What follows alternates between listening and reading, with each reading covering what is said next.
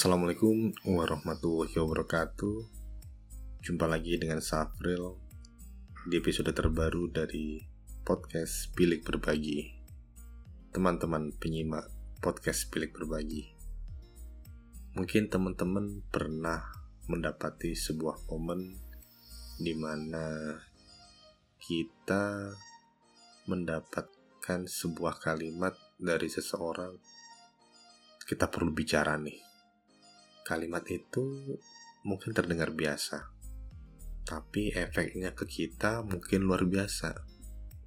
Kita berpikir ada sesuatu yang luar biasa yang perlu diungkapkan, yang perlu didiskusikan dengan kita.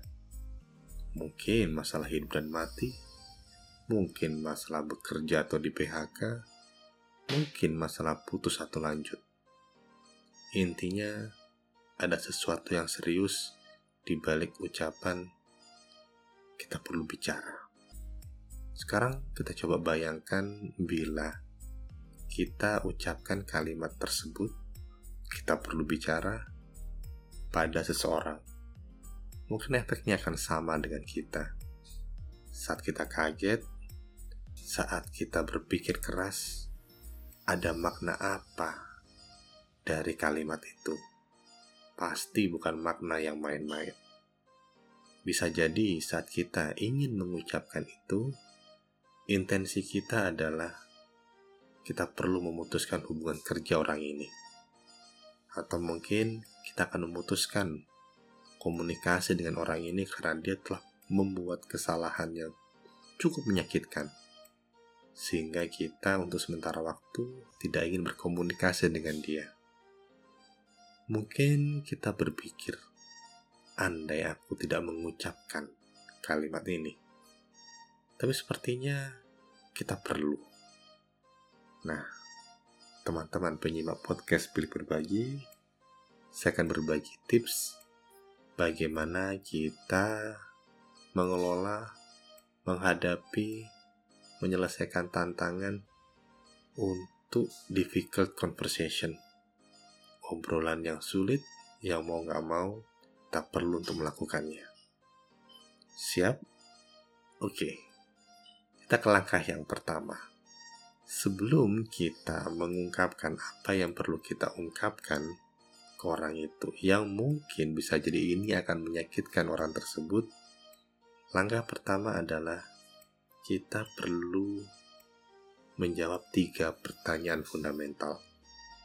Yang pertama, apakah topik ini perlu untuk diungkapkan atau didiskusikan atau diucapkan? Yang kedua, apakah topik ini perlu diucapkan oleh diriku, oleh saya, oleh aku? Yang ketiga, apakah topik ini perlu dicapkan oleh aku sekarang juga?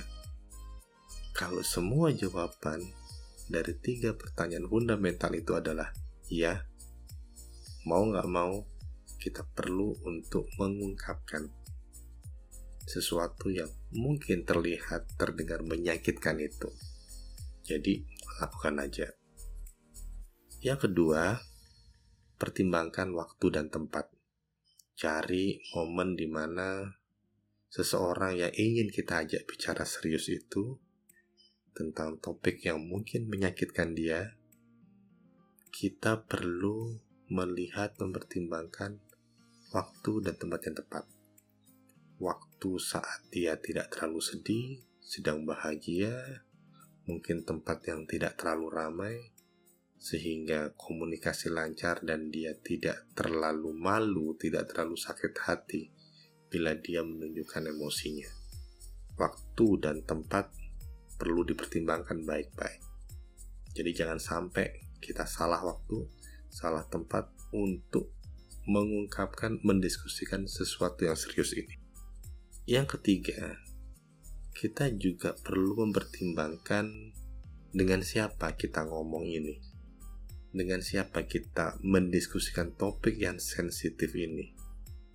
Apakah dengan keluarga, apakah dengan rekan kerja, apakah dengan atasan, karena gaya bicara kita, pilihan kalimat, kemudian cara kita mengungkapkannya itu juga tergantung hubungan kita dengan orang-orang ini. Kalau hubungan kita cukup familiar, cukup akrab, kita bisa lebih banyak humor untuk menetralisir kekakuan dari topik tersebut. Kalau dengan rekan kerja, dengan atasan, dengan bawahan, bisa jadi kita perlu berhati-hati untuk memilih kata. Karena kalau salah, itu bisa bahaya. Bisa jadi tidak masuk inti dari topik yang ingin kita sampaikan. Yang keempat, kita perlu mengevaluasi hasil setelah kita mengungkapkan, mendiskusikan, membicarakan topik yang sensitif itu. Apakah diskusinya berjalan dengan baik? Apakah tujuan kita tercapai? Apakah lawan bicara kita memahami maksud kita dan bisa menerimanya dengan baik? apakah kita bisa melakukannya lebih baik di masa depan? Jawaban-jawaban dari pertanyaan tersebut akan membantu kita untuk bisa mengungkapkan, mendiskusikan topik-topik yang sensitif dengan cara yang lebih baik di masa depan. Itu aja sih. Sampai jumpa di episode berikutnya dari podcast Bilik Berbagi. Wassalamualaikum warahmatullahi wabarakatuh.